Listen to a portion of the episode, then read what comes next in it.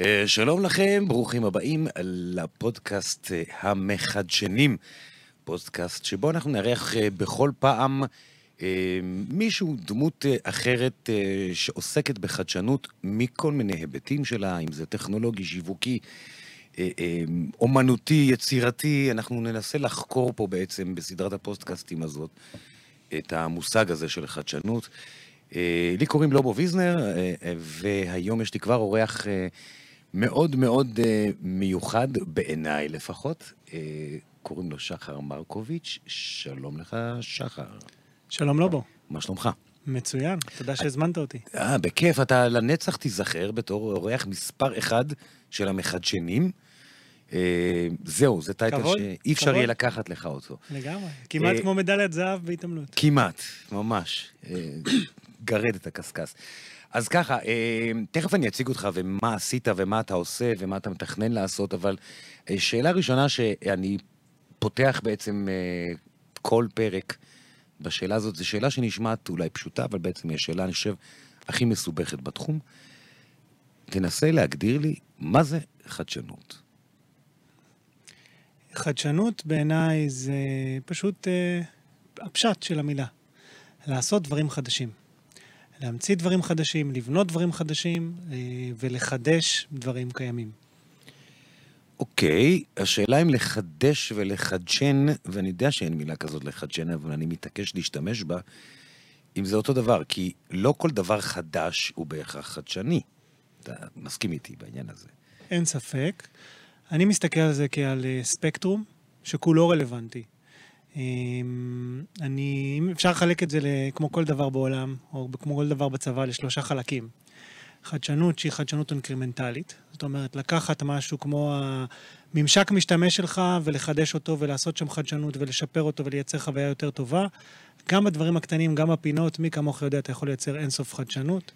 ראה מקרה אפל, ויש עוד הרבה דוגמאות אחרות. יש חדשנות שהיא חדשנות יותר משבשת, אינקרימנטלית, דברים גדולים, מנועי צמיחה חדשים, אה, כמו ביט, ששנינו עבדנו עליו יחד, או דברים חדשים שאתה... נגיע לשם גם, כן. שאתה מוציא השוק, ויש גם חדשנות שהיא חדשנות אה, אקספרימנטלית, אפשר לקרוא לה, שזה דברים שאתה רואה בעתיד הרחוק, ואתה מתנסה בהם, עושה ניסויים, אולי יום אחד הם יצליחו, אולי יום אחד לא. כל אחד מהם בעיניי זו חדשנות, לכל אחד מהם יש... אה, תפיסת עולם משל עצמו ומתודולוגיה משל עצמו, וכל אחד מהם אה, חשוב uh, בביזנס. Okay, אוקיי, גם בוא... את החדשנות האינקרימנטלית, גם את המשבשת וגם את ה... והתמהיל זה מה שמשנה. אוקיי, okay, אז בואו בוא, בוא, נספר ככה קצת בקצרה את המסלול שלך, כי הוא באמת לא מסלול אה, רגיל, הוא גם, הוא גם מעניין וגם מיוחד וגם מהיר. אה, למרות שבואו נציין למי שרואה אותנו בווידאו, שאתה לא כזה צעיר כמו שאתה נראה, כן? אתה קצת יותר, אבל לא הרבה יותר. אה, אתה התחלת בעצם אה, אה, במקינזי, נכון? בחברת ייעוץ? התחלתי לפני, התחלתי כמתכנת לא, בסטארט-אפים. לא מעניין. לא מעניין. אני מדבר על הקריירה החדשנית שלך. אוקיי. ופה יש לי שאלה שהיא, אנחנו התווכחנו על זה בעבר ככה, אבל בוא, בוא נשתף את המאזינים שלנו. יש לי בעיה עם חברות ייעוץ לחדשנות, בעיקר כשמדובר בחברות ענק, ובטח חברות בינלאומיות, זאת אומרת, אם זה אני ועוד שותף שבאים לייעץ זה בסדר, אבל כשחברה כמו מקינזי, או לצורך העניין כל המתחרות שלה, לא, לא נדבר דווקא עליה, מנסה לבנות מתודולוגיה או נוסחאות לחדשנות. לי זה עושה גירוד בגב, כי בעיניי מתודולוגיה או נוסחה היא ההפך הגמור מחדשנות. תנסה להסביר לי איך מיישבים את הסתירה הזאת בעצם. שמע, שאלות קלות, אתה פותח את הרעיון בש... בשאלות קלות. בוא, בוא נתחיל חזק ונגביר, מה שנקרא. אז בעצם אתה אומר, כשאתה מביא את לובו לייעוץ חדשנות זה בסדר, אבל כשאתה מביא את מקינזי לייעוץ חדשנות... טלפון זה להזמנות, 054. בדיוק. כן. אמ, שמע, זו שאלה מצוינת ונוגעת בדיוק בליבה, בלב של אה, מה שדיברנו עליו ב, ב, אה, בהקשר של חדשנות. אה, כשאתה מסתכל, מסתכל על חדשנות כספקטרום, ומה זה חדשנות ויכולת לחדש, יש אלמנטים בחדשנות שהם היצירתיות, שהם לחשוב מחוץ לקופסה. אה, חדשנות הרבה פעמים זה לעשות קסמים, אוקיי? אתה רוצה אה, להפוך את הצפרדע לנסיכה, לייצר יש מאין, אה, לשלוף שפנים מהכובע ולהפוך מים ליין, אוקיי? ו...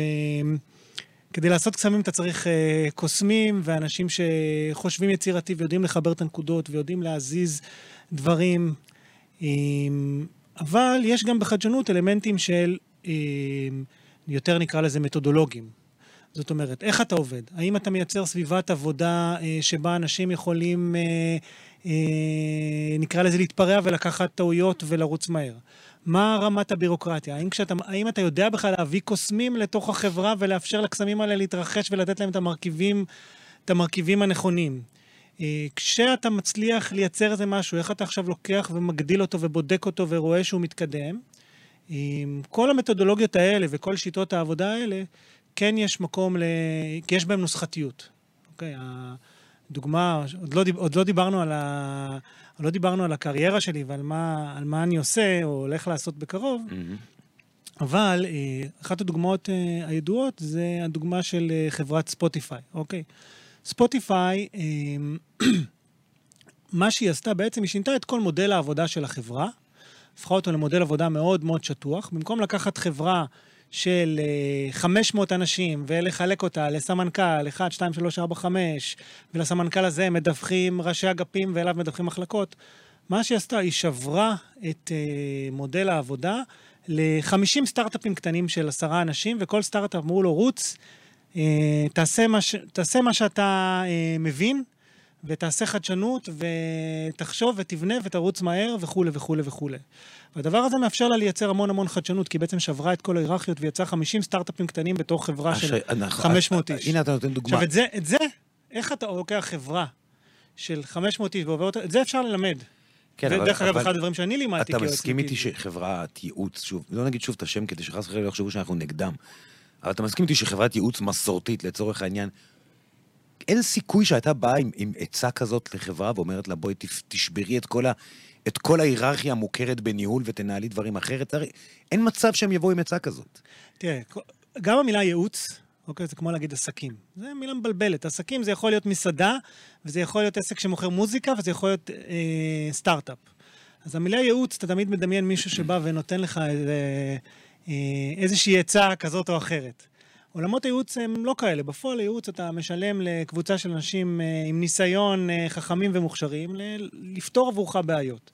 עכשיו, אני אישית במקינזי, מה אני עשיתי? הקמתי סוג של יוזמה, business line, בתוך מקינזי, שעוזר לחברות גדולות להקים סטארט-אפים. עכשיו, איך עשיתי את זה? זה לא שהייתי בא ואומר לו לצד, שמע, כדאי לך לעשות חדשנות, זה רעיון טוב. זה בדיוק סוג הייעוץ שלא עובד, אלא אה, הייתי בא לחברות גדולות ומקים יחד איתם את הסטארט-אפ הפנימי, מגייס יחד איתם אנשים מבפנים, אנשים מבחוץ, חושבים מחדש על, אה, על הבעיה שהם צריכים לפתור, בונים מוצר, משיקים אותו לשוק, באמת מקימים סטארט-אפ מ-0 שעובד בתוך החברה, וכשהסטארט-אפ הזה עובד, היינו נותנים ומחזירים אותו לחברה. סוג של כזה build, operate, transfer. Mm-hmm. אז קראת לזה ייעוץ, אבל בפועל עשינו הרבה הרבה יותר מייעוץ, ולכלכנו את הידיים, ושינינו תרבות, ובנינו אה, עולם חדש שהראינו אה, לחברה שככה אפשר לעבוד בצורה אחרת, ולייצר יותר חדשנות ולרוץ יותר מהר. אוקיי, אז בואו נעבור לתחנה הבאה שלך בקריירה. אה, אתה, בוא נגיד, אה, כנראה אוהב אתגרים, כי אנחנו נראה שכל תחנה שלך קשה יותר מהתחנה הקודמת.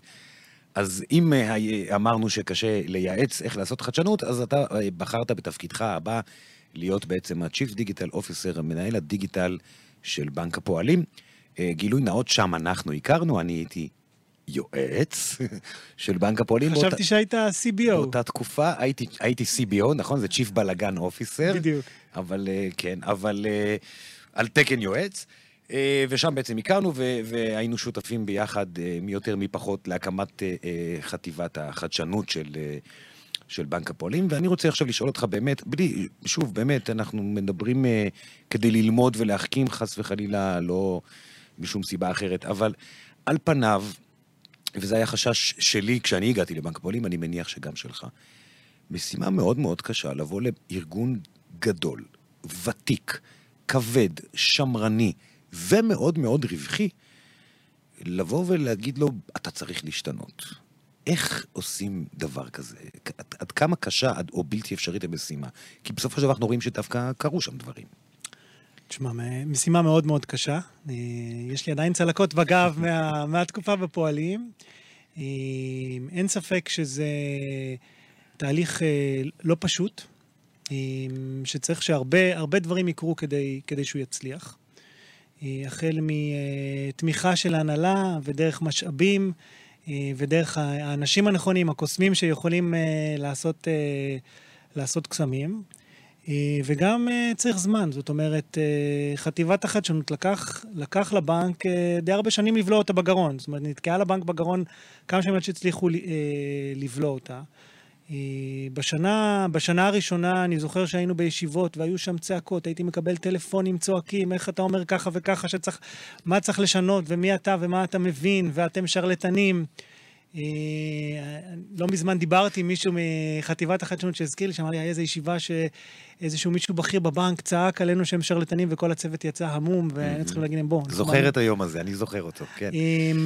אבל אחד הדברים שמאוד מאוד עזרו לנו, גם זה לא היה פשוט, זה להתחיל לייצר תוצאות ולהראות הצלחות ולהראות שהדברים עובדים, ושמה שאנחנו מדברים בסוף... אה, אה, אה, מזיזים את הבנק קדימה. נכון, אחד המושגים ש, שדיברנו עליו הכי הרבה אז בזמנו היה קוויק ווין. להראות משהו, גם אם זה לא הדבר הכי חשוב, גם אם זה לא באמת, זה השינוי שאנחנו שואפים, אבל להביא איזשהו ניצחון קטן, איזשהו מוצר, איזשהו שינוי קטן, כדי להראות באמת שהנה זה אפשרי. אתה זוכר מה היה הקוויק ווין שהצלחת להביא ככה אה, הראשון? אה, זה לא היה כל כך קווין, זה לא היה כל כך קוויק, וזה היה חתיכת ווין. זה בסוף, אני חושב, הדבר ששינה, שפתאום, אה, נקרא לזה, פתח לבנק את הצ'קרות, זה ביט. וזה, גם ביט היה מסע מאוד מאוד קשה לשכנע את הבנק ולשכנע את ההנהלה ולגרום לו לקרות.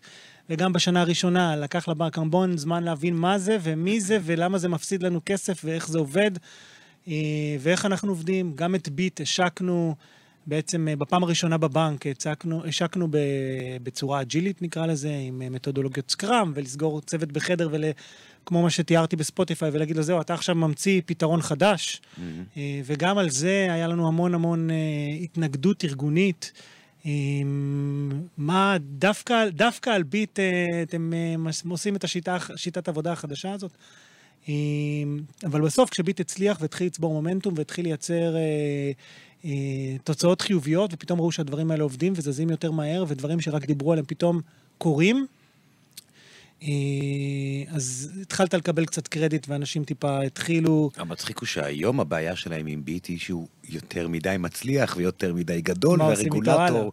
הרגולטור יושב על הצוואר כל הזמן ומנסה לה, לעצור את זה, כי, כי באמת זה הפך להיות הצלחה מטורפת, ואנשים לא מבינים כמה קשה זה היה, כי כשמסתכלים מזווית הדיגיטל לצורך העניין, הרי אתגר בדרך כלל של חברה שעוברת לדיגיטל, שמפתחת מוצרים מדיגיטל, זה לשכנע את הלקוחות שלה לעבור לפלטפורמות הדיגיטל, כי הם רגילים לצרוך אותך בצורה אחרת.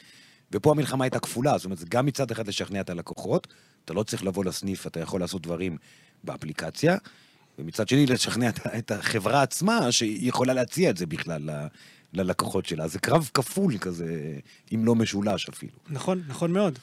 דרך אגב, אחד הבעיות או האתגרים הגדולים שהתמודדנו איתם עם ביט, זה כשרצינו לדחוף, היה לנו מאוד מאוד ברור שבעולם התשלומים אתה רוצה אה, להגיע לכמה שיותר לקוחות כמה שיותר מהר כדי לייצר איזשהו גלגל תנופה, דינמיקה כזאת של winners take all, כי יש פה מה שנקרא אפקט רשת, שאתה מעביר כסף אליי, אני מעביר כסף אליך, זה מצמיח את עצמו. אז דחפנו את ביט מאוד מאוד חזק בכל מיני uh, שיטות uh, שיווק כאלה או אחרות. אתה יודע, זאב רווח נוסע בניידת לסניפים ומשכנע בנקאים שישכנעו לקוחות להתקין, באמת התקינו את ביט אצל המון לקוחות שעם אוריינות דיגיטלית נמוכה, נקרא לזה ככה. Mm-hmm. והמון מהאתגרים היה לנו זה איך אתה בונה מוצר ומסביר למוצר ומתקשר, אה, איך אתה משתמש במוצר אה, דיגיטלי שבעצם אה, בחיים כמעט לא השתמשת באפליקציות, אולי חוץ מוואטסאפ. כן.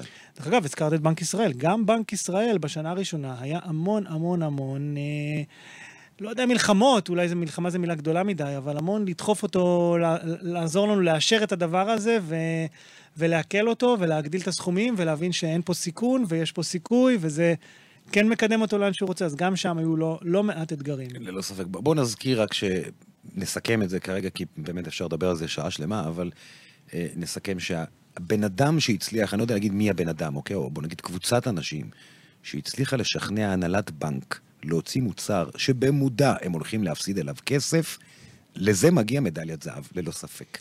לשכנע בנקאים להפסיד כסף במודע, זה באמת אה, קוסם, כמו שאמרת. לגמרי. אז בוא, אבל בואו בוא נלך לתחנה הבאה שלך. הם בהתחלה לא הבינו כמה כסף הם הולכים כן, להפסיד. הם זה רק כשזה הרבה- הצליח, כשזה הצליח, פתאום אמרו, רגע, רגע, רגע. הם הפסידו הרבה יותר ממה שהבטחנו להם, בוא נגיד. בדיוק. סימן שזו הצלחה גדולה, זו אתה הצלחה אומר. גדולה הייתה. אבל בוא נעבור לתחנה הבאה שלך. אמרנו שאתה אה, הולך ומחפש אתגרים קשים יותר ויותר, אז התחנה הבאה שלך הייתה אל על, ששם כבר היית בעצם CIO, כבר אחראי על, על, על המחשוב כולו, לא רק על החדשנות. ולמה אני אומר קשה יותר? כי אל על גם הוא ארגון אה, כבד, אה, שמרני ומסורתי, רק בלי הכסף של הבנק. זה, אז, אז כאילו, עוד יותר קשה אפילו בדיוק. המשימה הזאת. ודווקא שם הדיגיטל באמת היה מאוד מאוד חשוב, ואם יורשה לי כלקוח להגיד, היה במצב ממש רע כשאתה הגעת לשם. אה, לקנות כרטיס באפליקציה של אלה הייתה משימה תיאורטית בלבד. אני- לגמרי. אני לא חושב שיש מישהו שהצליח אי פעם לעשות את זה. שוב, אני מדבר לפני שאתה הגעת. ספר לנו קצת על האתגרים שפגשת באמת במוביל הלאומי. תראה, זה, זה... א', אתה צודק ברמת האתגרים, אה, ובדיוק מה שדיברנו אה, על השלושה סוגי חדשנות, אז אם בבנק הפועלים היה לנו איזה תמהיל של אה, לקחת ולבנות אפליקציה חדשה אה, ללקוחות הבנקאים השוטפים ולחדש בה, אבל מצד שני גם היה לנו את ביט וגם התנסינו בדברים כמו אה, בלוקצ'יין בבנקאות. אה, באל על, לאור המצב, רוב הפוקוס היה על מה שאני קורא לו אה, חדשנות אינקרמנטלית, אוקיי? איך אתה... או במקרה הזה אפילו לתקן דברים ש, שלא עובדים, אה, walk before you can run, כן? או דברים כל כך בסיסיים שכמו שאתה אומר, זה, זה חשמל, שאתה...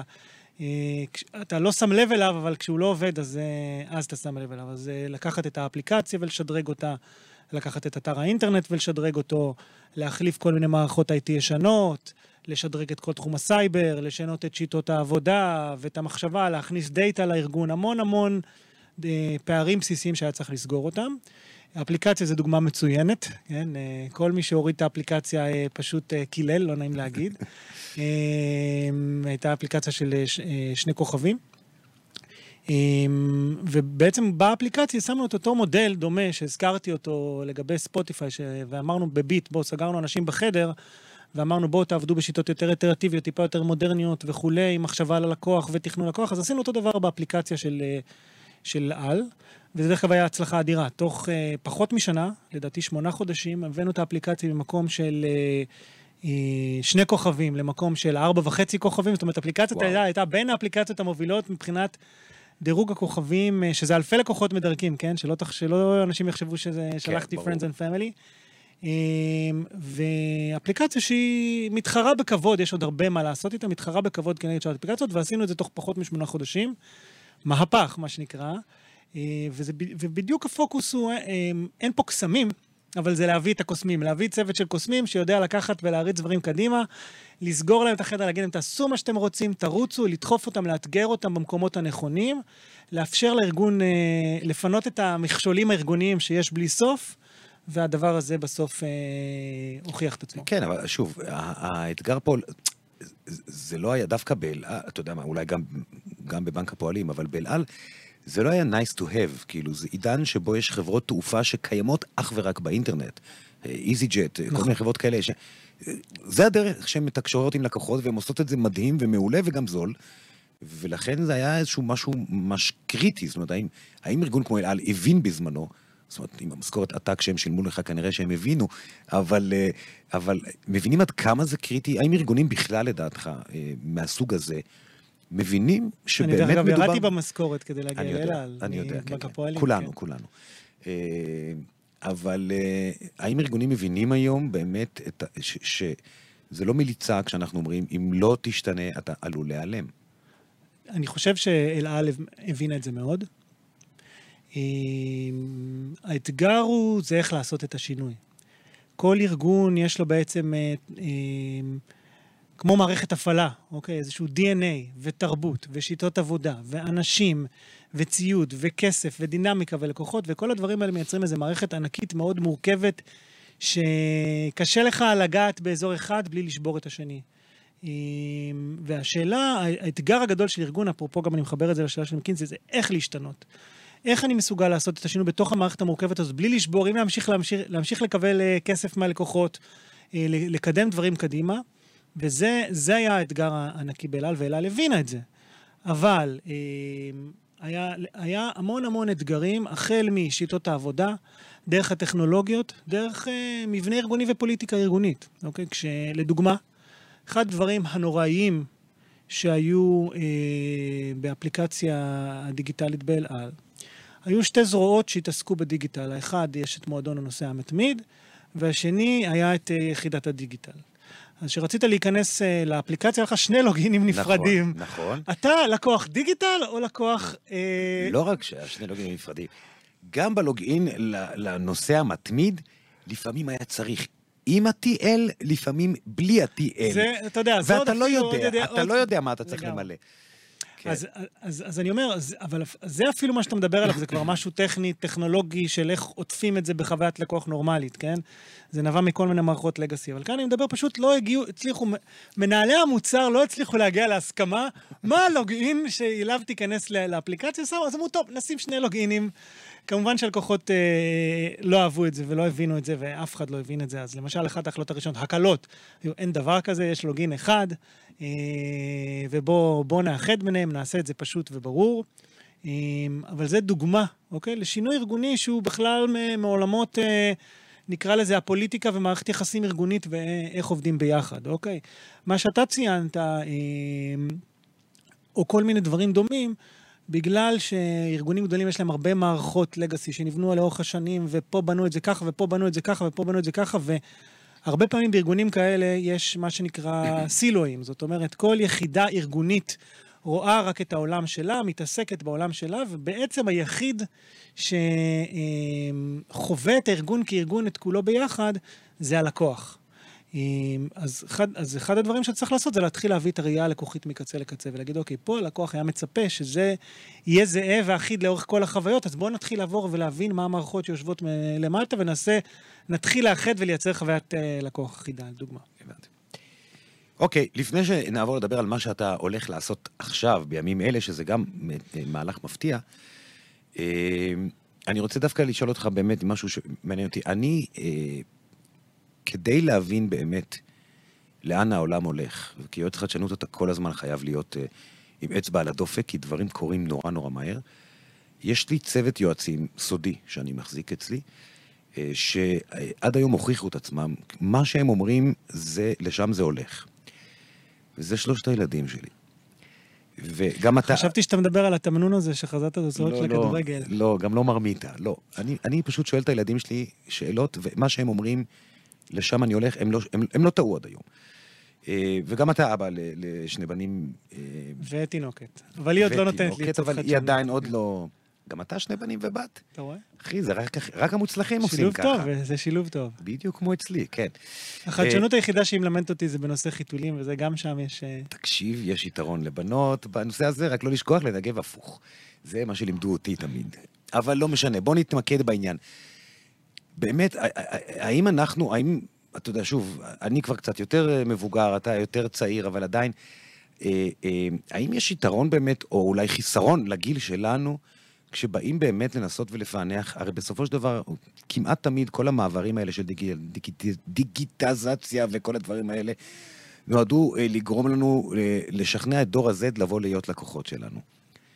האם יש לנו באמת אפשרות להבין אותם, איך המוח שלהם חושב? כי הם, הם חושבים אחרת לגמרי מאיתנו. אני חייב להגיד לך, הילדים שלי למשל לא רואים טלוויזיה, הם רואים יוטיוב.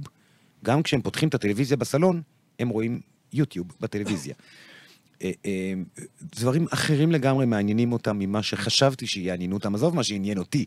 ממה שכאבא חשבתי שיעניין אותם, אני, אני טועה כל הזמן. הם חושבים אחרת, עושים אחרת, עובדים אחרת. האם יש לנו יכולת באמת אה, אה, לתת את הפתרונות, התשובות הנכונות ללקוחות שלנו, או לחברה שבה אנחנו עובדים, כשאנחנו כל כך מנותקים ממה שבאמת קורה לדור הזה? אתה יודע, הזכרת לי שהייתי הולך לכל מיני מצגות או שיחות עם הדירקטוריון של בנק הפועלים, אז הם היו אומרים לי, אך, אתם הצעירים. אנחנו צעירים, אני לא צעיר, אני מסתכל אחורה, כן, כן. בדיוק. אמ, אה, ברור שיש משפט מאוד, אה, מאוד ידוע בח- בחוויית לקוח, You are not your customer, אתה לא הלקוח שלך. הכי קל, אה, הכי, הכי קל לדמיין שאתה הלקוח ואתה מבין ואתה יודע, אז כמו שאתה אומר, בטח בעולמות של אה, פער דורי, אה, שילדים שגדלו וגדלים עם אה, אייפד ואייפון ביד וחווים את העולם בצורה אחרת, קשה, קשה, קשה מאוד להזדהות ו... ולה... ולהבין מה זה. אתה יודע, אני זוכר, נגיד, כש- כשאנחנו היינו בבנק, אז סנאפ היה חזק, סנאפצ'אט. כן, שלא היום זה- קיים היום כבר. היום זה טיק טוק, נכון. אז כן. כל המבוגרים ניסו להיכנס לסנאפצ'אט, אבל כל החברים, אף אחד לא עשה שום פוסט, כי הכל היה נעלם תוך 24 שעות. נכון. אז הם לא הבינו מה, מה, מה יש בסנאפצ'אט.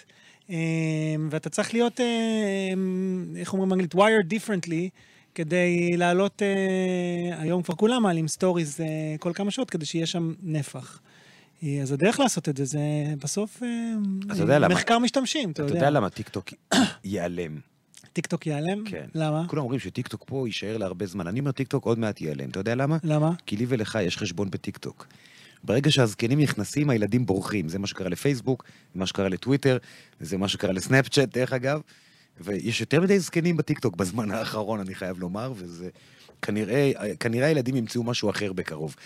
אה, אבל בואו נדבר, אם ניגענו בנושא אז הזה... התשובה היא, בקצרה, התשובה היא לא. התשובה היא לא. אה, אתה צריך ללכת לשאול, או לראיין, או לעשות אה, ספארי, ולראות מה עושים בתכלס, לבדוק את זה, ואז... אה, הבנתי. לגלות. אז בוא ניגע באמת בתחנה האחרונה שלך בינתיים בקריירה, ושוב עשית מהלך מפתיע, עם רזומה כמו שלך, CDO בבנק הפועלים, ו-CIO באל על, ו- ומקינזי וכל הדברים האלה, כנראה שהיית יכול למצוא משרה מכובדת מאוד ברמת מנכ"ל או סמנכ"ל בכל ארגון גדול בישראל, והחלטת ללכת לסטארט-אפ צעיר ישראלי, שמתעסק במוזיקה. איך אמר ג'יי לנו? What the hell were you thinking? אה, כן, החלטתי ל- לגוון. אה, הסטארט-אפ כבר לא כל כך צעיר, הוא כבר אה, unicorn, סטארט-אפ בשם JoyTunes, שבונה אפליקציות אה, ללימוד מוזיקה, אה, פסנתר, אה, גיטרה וכולי. מאוד מאוד מצליח. בסוף, אה, כמו שאתה אומר, כמו שאמרת בהתחלה, מאוד מאוד חשוב לי האתגרים.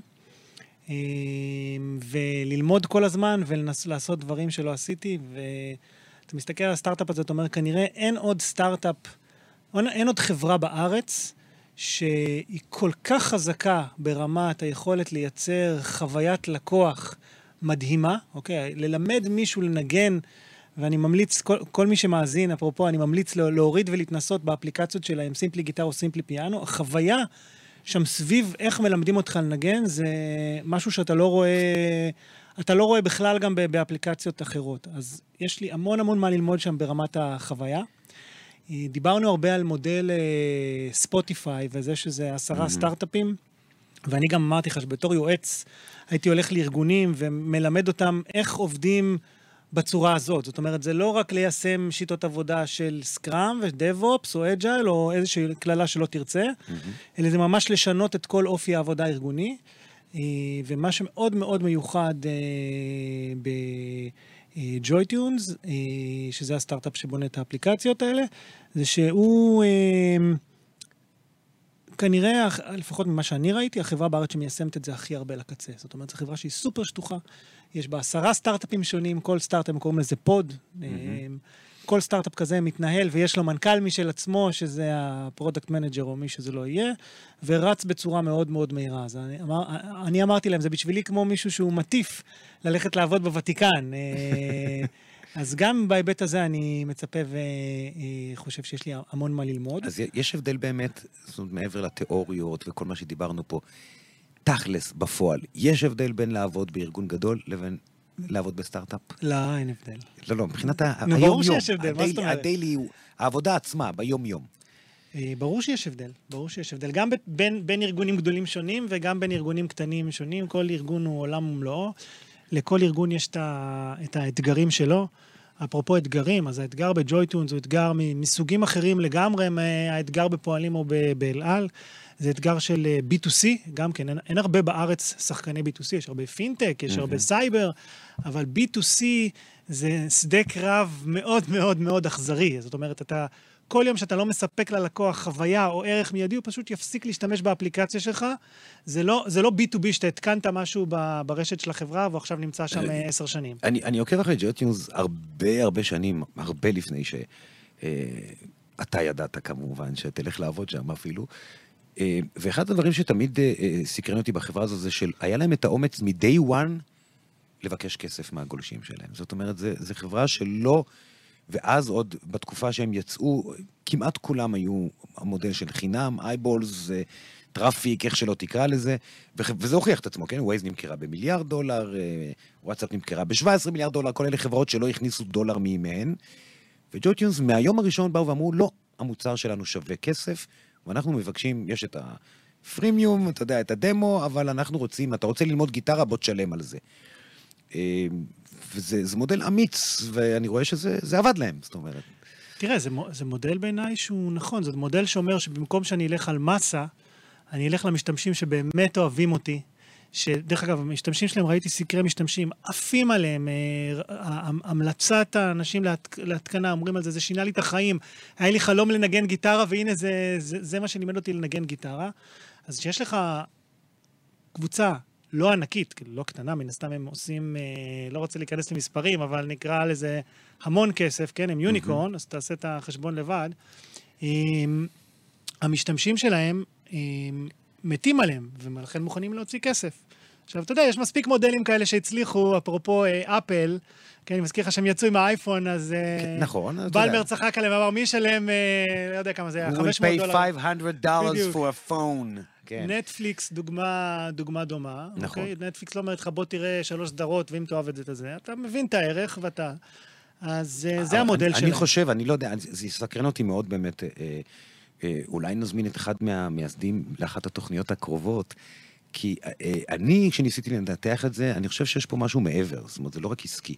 אני חושב שהם הבינו את הפסיכולוגיה של לימוד מוזיקה. כי אחת הבעיות הגדולות ביותר כשאתה בא ללמוד מוזיקה, זה הייאוש שמגיע נורא נורא מהר.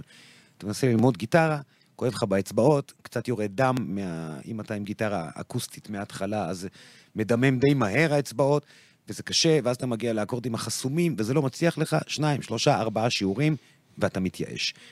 ואחת הדרכים העתיקות ביותר אה, לדחות את הייאוש, זה אם אתה שילמת, ואז אתה מרגיש פראייר, שאתה, מה, שילמתי, מה, אני לא אמשיך ללמוד. ואני תוהה לדעת אם באמת זה היה אחת הסיבות שהם אמרו, צריך לשלם, כי אחרת פשוט אנשים ישתמשו בזה פעמיים שלוש ויזרקו את האפליקציה.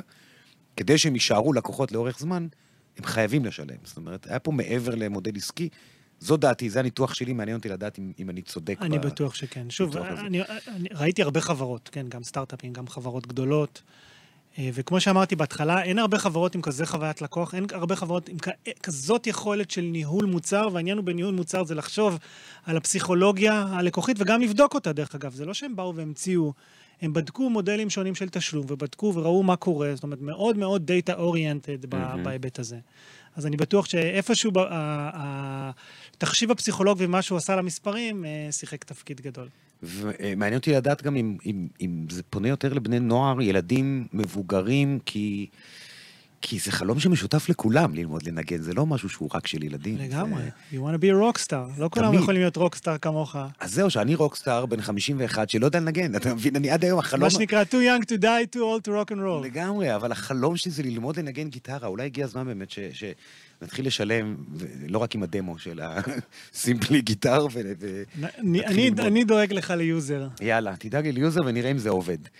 שחר, זמננו תם. אה, היה באמת כיף. כנ"ל, מאוד נהניתי. יכולתי לעשות את זה עוד הרבה הרבה זמן, ואנחנו יכול להיות שעוד נזמין אותך שוב, אתה יודע, אנחנו פה... אנחנו פה כדי להישאר, אז אה, אנחנו לא מוגבלים. תן לי סיכום שלך במשפט אחד ככה, אם יש משפט אחד שאתה רוצה שיזכרו מכל החצי שעה הזאתי, מה הוא יהיה? או-אה. אמ, משפט אחד שקשור לחדשנות שאני מאוד מאוד מאמין בו, זה פשוט just do it. זאת אומרת, בסוף המבחן הוא בביצוע. אה, אפשר לדבר על חדשנות, לעשות אסטרטגיה מפה ועד מחרתיים, אבל הדרך זה פשוט להתחיל לבצע וליישם. יפה מאוד, מסקנה מאוד יפה למישהו שמתפרנס מלדבר על חדשנות, אבל... אה, לא, אני... אבל אתה, תלכו, אתה לא, אני, אמרתי, אני, אתה אומר, אתה בא ואומר לי, כשאני מדבר על חדשנות, לכו תעשו חדשנות, אני מסכים איתך לגמרי. מי שעושה, זה מי שקובע. שחר, שוב, תודה רבה רבה רבה המון תודה לך. היה כיף. ותישארו איתנו אה, גם לפרק הבא שלנו. להתראות בינתיים, כאן לובו ויזנר, המחדשנים.